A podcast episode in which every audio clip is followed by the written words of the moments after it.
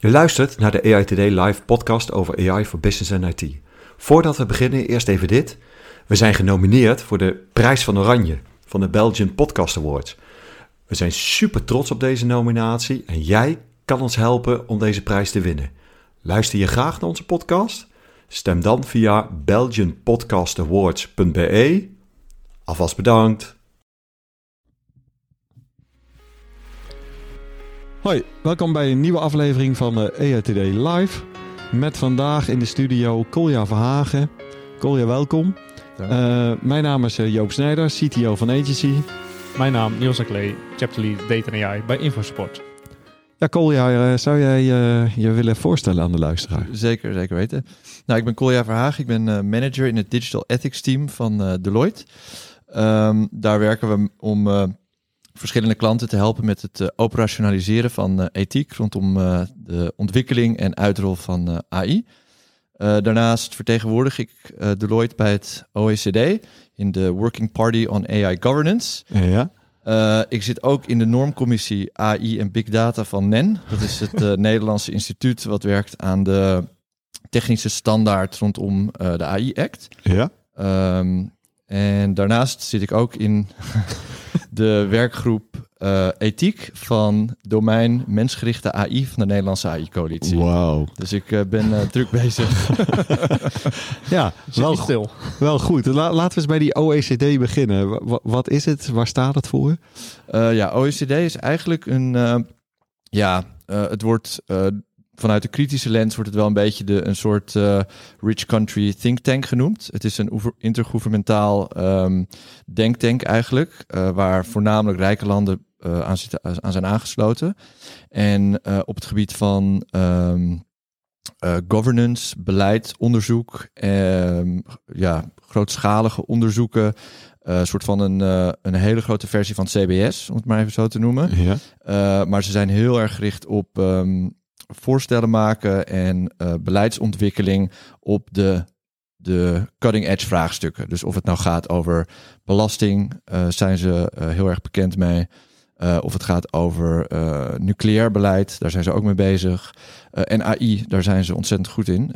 zij zijn een van de eerste die ook value-based principles, of ethische principles, hebben gepubliceerd rondom AI. Ja. En dat, die zijn eigenlijk samen met die van de EU wel internationaal de meest erkende, uh, meest breed gedragen principes rondom AI. Ah, oké, en je zegt uh, het is, vooral een set van rijke landen. Uh, is, is dat specifiek zo of is dat zo gegroeid? De exacte achtergrond van het OECD weet ik niet. Uh, het is uh, uh, gevormd na de, ergens in de jaren 50, na de Tweede Wereldoorlog. met echt als doel om kennis te delen en om een soort kennisinstituut op te zetten. wat landen helpt met grote beleidsvraagstukken. En um, ja, een van de ja, kritische notes die je daar ook wel bij kan, kan zetten, is dus dat zeker als het gaat om grote vraagstukken zoals AI-beleid en uh, eh, AI-bestuur, dat um, het werk wat de OECD doet zeer invloedrijk is. En tegelijkertijd hebben heel veel landen waar dat beleid impact op zal hebben, geen stem in die, in die, in die gesprekken en in, uh, in dat proces. Oké. Dus um, ja, dat is iets wat, uh, wat ze erkennen. Uh, en wat ze op verschillende manieren wel, wel aandacht proberen te geven. Mensen uit te nodigen van andere landen en zo. Dus uh, ze proberen er wel wat van. Maar ja, er zijn ook wel kritische noten te zetten bij ja. het werk van het OECD. Hey, je hebt een uh, artikel geschreven voor de OECD. Ja. die heb ik gelezen. Zou je daar wat, wat over kunnen vertellen? Want dat was wel een heel interessant artikel. Ja. nou, in de basis, ehm, misschien goed om even te vertellen. We begonnen Um, met uh, Digital Ethics Team, zo'n twee jaar geleden, uh, uh, nam ik, begon ik, ben ik bij Deloitte gaan werken. Daarvoor was de oprichter van het team, Hillary, was al ongeveer een jaar bezig om um, het team op te zetten en na te denken van wat, wat gaan we eigenlijk doen precies met het team voor verschillende klanten. dus we zijn toen ik um, begon te werken bij Deloitte, zijn we echt gaan nadenken van, nou, wat zijn, wat is de, in, in start-up termen, wat is de product market fit? Mhm. uh, wat, waar ligt de behoefte in de markt? Uh, en wat kunnen wij bieden om die behoefte in te vullen. Mhm. Maar ook hoe kunnen wij een beetje daar sturing aan geven. Door presentaties te doen, door eh, spreading the gospel, zoals ik het noem. Eh, echt vertellen aan organisaties waarom het belangrijk is om na te denken eh, over ethiek operationaliseren binnen de organisatie rondom, eh, rondom AI. En nou, daar zijn we druk mee bezig geweest en eh, heel veel presentaties gedaan, met heel veel bedrijven gesproken. Eh, ook veel, heel veel knikkende hoofden gezien, Ja? maar nog niet heel veel bedrijven die echt de stap wilden zetten om het te gaan operationaliseren. Ook al zagen ze wel in dat het belangrijk was, is of gaat worden. Ja.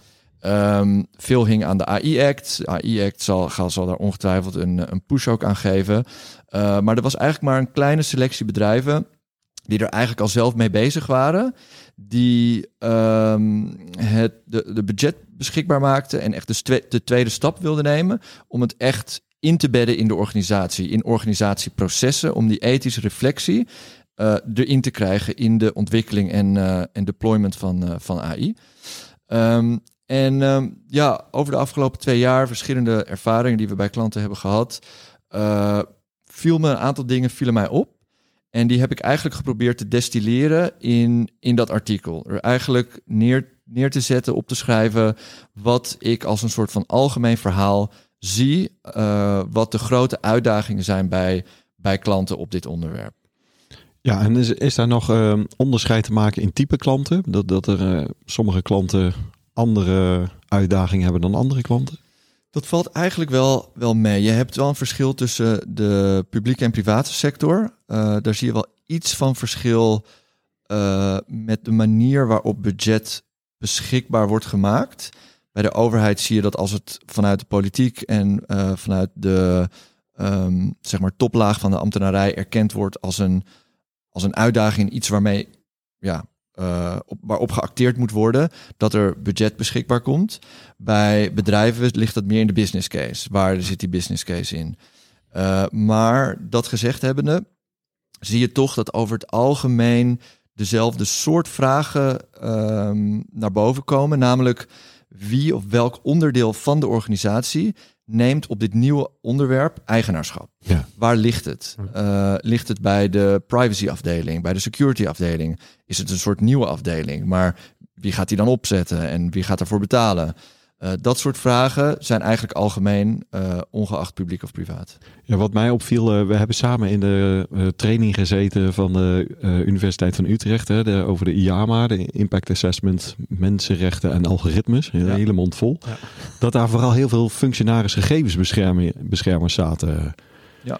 En, en ik, ik, had, ja, ja, ik vroeg me af, weet je, vind, vind jij dat de meest logische plek waar de, dit soort ethische vraagstukken zouden moeten beginnen? Uh, het is een. Ja, het, het, viel me inderdaad op dat het uh, veel vanuit, die, uh, vanuit de FG-kant interesse is voor die impact assessments. En dat heeft waarschijnlijk voornamelijk te maken met de link met datagebruik. Ja. Um, en ik zou ook wel erkennen dat uh, veel van de vragen rondom AI eigenlijk beginnen met, met datagebruik. Met uh, wat, wat voor data gebruik je? Um, waar komt die data vandaan? Uh, kan je, heb je zicht op de transparantie van de datasets? Kan je dan zien hoe een model getraind wordt? Dus die datavraagstukken begrijp ik. En daarmee zie ik ook wel de link met de FG. Maar als ik kijk naar organisaties die zelf modellen ontwikkelen, dan uh, liggen de, ligt de impact van ethiek uh, en ethische operationalisering veel meer in de uh, data analytics hoek. Dus veel meer in de head of data, head of data mm -hmm. analytics, die kant. En de FG is natuurlijk een onafhankelijke um, positie binnen een bedrijf die um, een toetsing eigenlijk doet en niet in de ontwikkeling zelf van, uh, van toepassingen van modellen betrokken is. Ja. Dus als je het echt hebt over hoe operationaliseer je het, dan is de FG eigenlijk de ver een verkeerde, verkeerde plek. Dan moet je meer bij de CDO zijn. Ja, de Chief Data Officer. Ik denk wel weer logisch dat die als eerste in aanraking komen. Want die zien het aankomen. Het is hun vakgebied van data. En die zien het dus al aankomen. Dus ik denk dat het wel logisch is dat die ook naar dat soort trainingen gaan. Maar inderdaad, wat je zegt, bij operationaliseren zullen andere facetten eerder van belang zijn. Inderdaad, de business case, de strategie die je als organisatie hebt. Ja, precies. En da daar zit dan veel meer de druk vanuit die posities op. Uh, dat er een goede business case moet zijn en dat die eerst aangetoond moet worden um, voordat er wordt gekeken naar andere aspecten. Ja. Um, en dat um, bij hele grote complexe bedrijven zie je vaak dat er twee vragen gesteld worden. Uh, is het legal en is het profitable? Uh, en uh, als daar alle twee gewoon een check op is, uh, dan soms wordt er dan een soort van ethische check nog gedaan, maar de uitkomsten daarvan worden eigenlijk altijd gezien meer als een soort van um, onderhandeling of een soort punt van discussie. Van ja, we kunnen, we kunnen het wel doen onder die en die voorwaarden. In plaats van dat wordt gezegd: nee, dit valt niet in lijn met wat wij willen als bedrijf. We stoppen de ontwikkeling, ook al is het legaal en ook al is het winstgevend.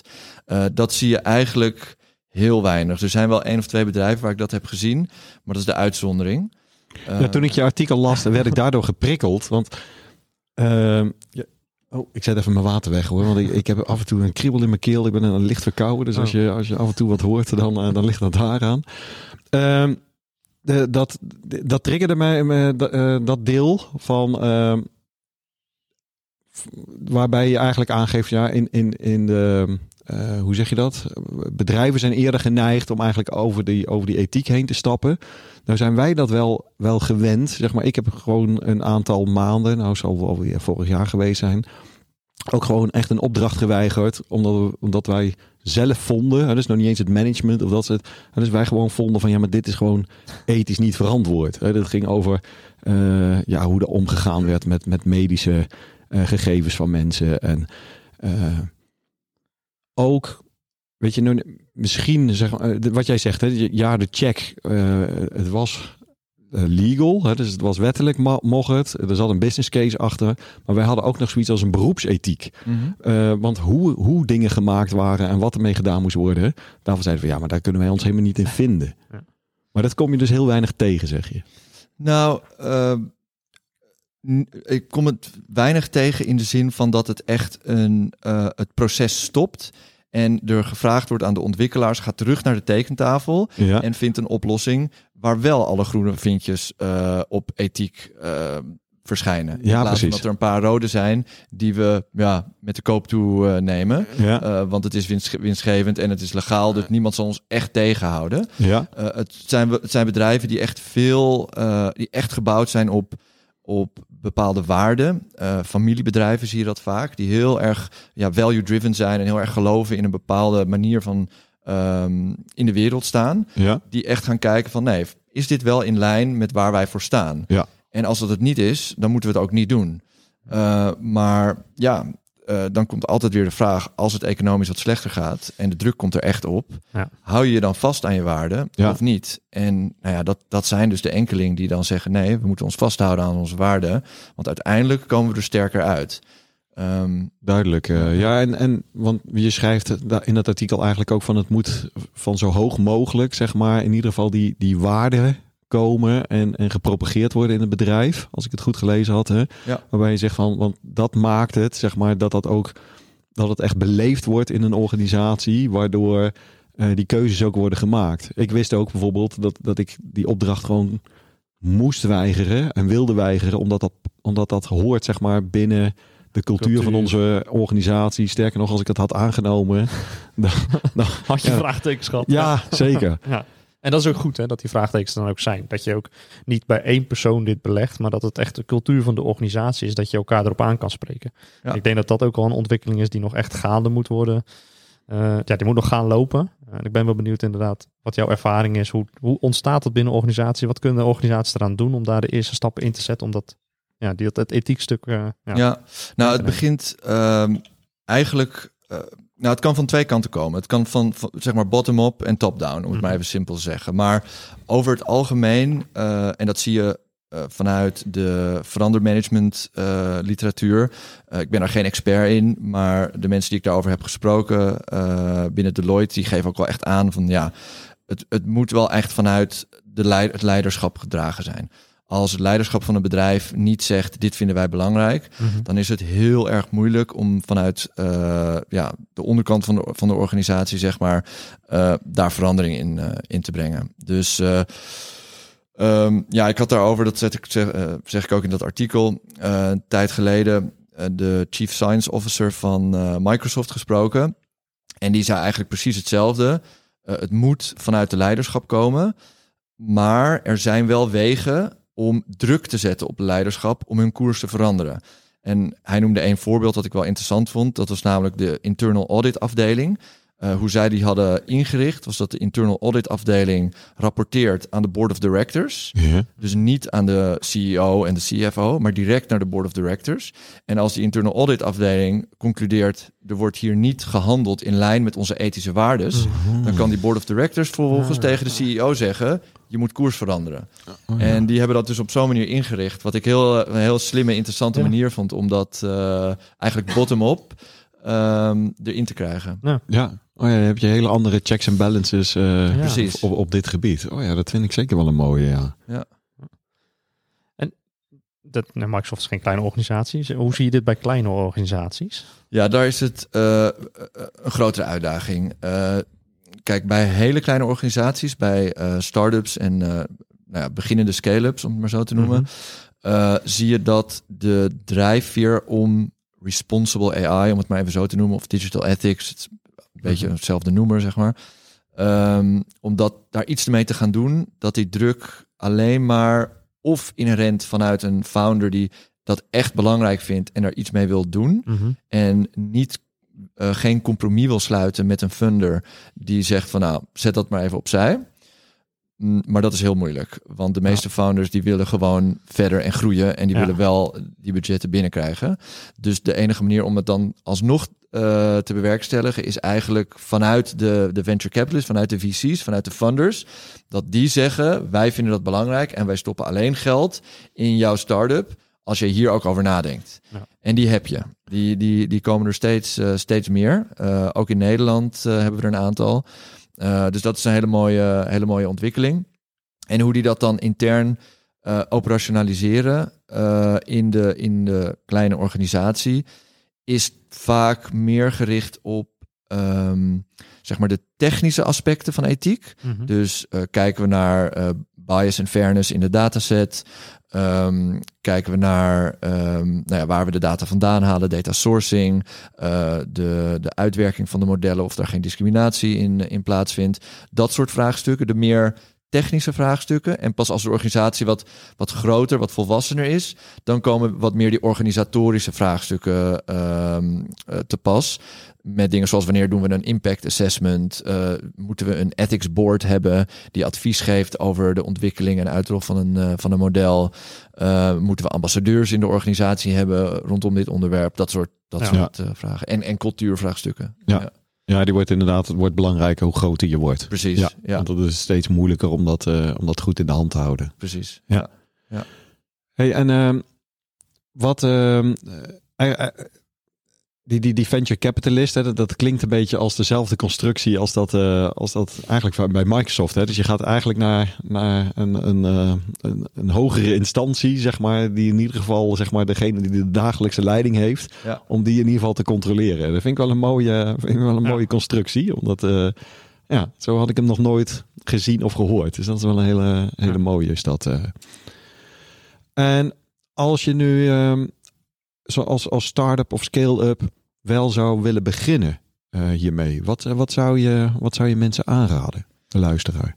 Mm, ja, ik zou zeggen, als start-up, scale-up, als je mee wil beginnen en je denkt, nou, het is wel belangrijk dat we hier iets, ehm, dat we hier iets mee doen, dan is de eerste stap eigenlijk definieer voor jezelf eh, binnen de, de context en de use case ehm, wat jouw principe, principes zijn als organisatie. Ehm, definieer die. Dus eh, wil je eh, non-discriminatie, eh, sta je daarvoor? Sta je voor ehm, autonomie? Om, om tot specifieke principes te komen, moeten we zeg maar een specifieke use case hebben. of een specifiek bedrijf in een bepaalde industrie. Maar in de medische sector bijvoorbeeld is eh, patiëntbelang, dat zou een hele veel voorkomend principe zijn. Ja. Als je die voor jezelf opstelt als organisatie, als eh, start-up, dan is eigenlijk dat is de eerste stap. Dan is de tweede stap, wat, wat zijn de definities? Wat betekent het voor jou? En om die gewoon op te schrijven en dat gewoon uit te schrijven. Wat, nou ja, dat, dat is een dag werk met een groepje mensen brainstormen. Wat vinden wij belangrijk? Uh, dan het definiëren. Waar, waar, uh, waar, hoe, wat betekent dit voor ons? Wat betekent dit voor onze industrie? Uh, en dan bij de ontwikkeling van. en, en zit dat, ja, sorry dat ik je onderbreek, ja. maar is dat zeg maar in dezelfde grootte als dat je bijvoorbeeld je missie en visie ja. ja. bepaalt? Ja. hè? ja, en het is echt iets anders dan, um, dan bedrijfsethiek. Want bedrijfsethiek, dat kan je op eenzelfde soort manier wel uh, aanvliegen. Wat vinden wij belangrijk? Dat we collegiaal zijn. Nou ja, ik weet niet. Het zijn allemaal bedrijfsethische principes die je kan bedenken. Maar dat is fundamenteel echt iets anders dan de digitale ethiek, ja, uh, de AI-ethiek. Um, want dat gaat veel meer over de, over de impact van technologie op de maatschappij. En ook het erkennen uh, dat technologie niet neutraal is. technologie heeft invloed op ons handelen. Ja. Het verandert ons handelen. En dat erkennen uh, en dat beseffen hoe, dat, hoe jouw product uh, jouw klanten uh, kan beïnvloeden, hun handelen kan beïnvloeden. Dat is heel belangrijk. En daarvoor kunnen die ethische principes leidend zijn om dat goed, goed te begrijpen en ook uiteindelijk een beter product te maken als je dat goed uh, op de radar hebt. Heb je een voorbeeld over waar, waarom technologie niet niet neutraal is. Want ik denk dat best wel een hele hoop mensen denken dat, dat technologie wel neutraal is. Ja, een bekend voorbeeld van uh, dat uh, wordt veel gebruikt door uh, de, de grote technologie-ethiek professor Peter Paul Verbeek. Ja. Die is nu rechter magnificus aan de, aan de UvA. Is dat eerst in, in Tilburg. Um, die gebruikt het voorbeeld van, van drempels, van verkeersdrempels. En dat vind ik altijd een hele mooie. Want uh, we kunnen denken, nou ja, verkeersdrempels, dat zijn gewoon stukken steen die neer worden gezet. Heel neutraal, heeft verder geen, geen waarde. Maar wat er in feite wordt bewerkstelligd met verkeersdrempels, is dat wij onze snelheid inhouden. Omdat wij uh, een waarde hebben, namelijk het beschermen van kinderen bijvoorbeeld. Dat is een, een ethisch principe, veiligheid. Uh, wij willen veiligheid operationaliseren als ethisch principe. Dus wij bouwen drempels om ons gedrag aan te laten passen en wij minder snel gaan rijden. Als die drempels er niet waren, waarschijnlijk zouden we ons gedrag niet direct aanpassen. Dus het is een waardeoordeel of een, een waardeimplementatie dat wij verkeersdrempels bouwen, omdat wij veiligheid als ethisch principe belangrijk vinden op straat. Ja, ik vond in de, de training die wij hadden gehad, vond ik ook al een mooi voorbeeld. Uh, nu vertel ik dan even aan Niels. Ja. Uh, wat daar werd gezegd is uh, de bankjes uh, in de openbare ruimte. Ja. Daarvan zou je ook kunnen denken van ja, dat is ja, ja het bankje zitten is voor Ja. iedereen. Ja. Uh, maar die zijn zo gemaakt dat de, dat de zitting waarop je zit, die loopt schuin af. Daar zit een opening en dan heb je een, uh, een leuning. Ja. Maar dat schuin aflopen, eh, dat zorgt er dus voor dat mensen daar dus niet op kunnen slapen. Dakloos. Ah. Dus daarom is het uh, ook, ook zo'n product, zo'n heel eenvoudig product, is dus niet ja, neutraal. Nee. Dat is ontworpen met een bepaald doel binnen een bepaalde norm. Wordt alleen niet hard uitgedragen. Denk dat dat bij onze oplossing ook vaak het probleem is. Dat het misschien wel in die technologie zit, maar dat we het niet uitleggen. Want ik wist het namelijk niet. Ja. Dus eigenlijk ook- wel een analogie naar ons werk inderdaad.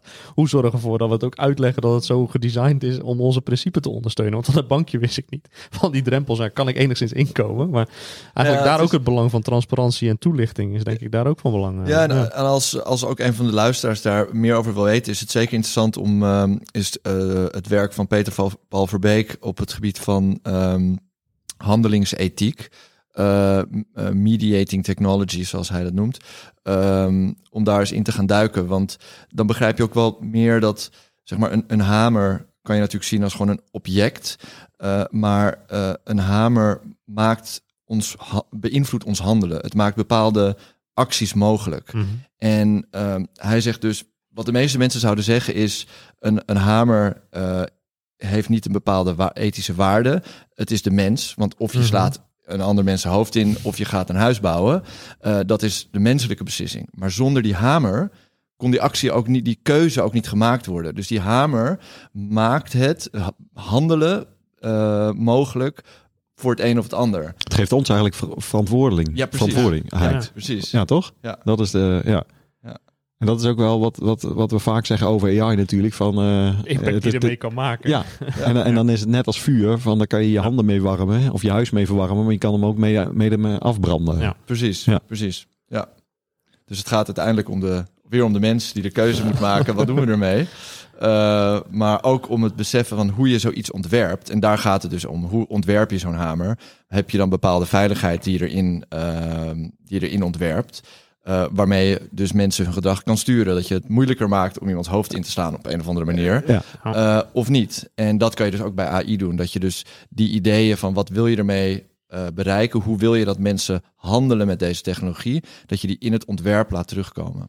Ik vind het een hele mooie dat je net zegt van AI gaat eigenlijk weer om de mens. Ja. En wat wij ermee doen. Dus ik denk dat dat een, een mooie is om mee af te sluiten. Dankjewel.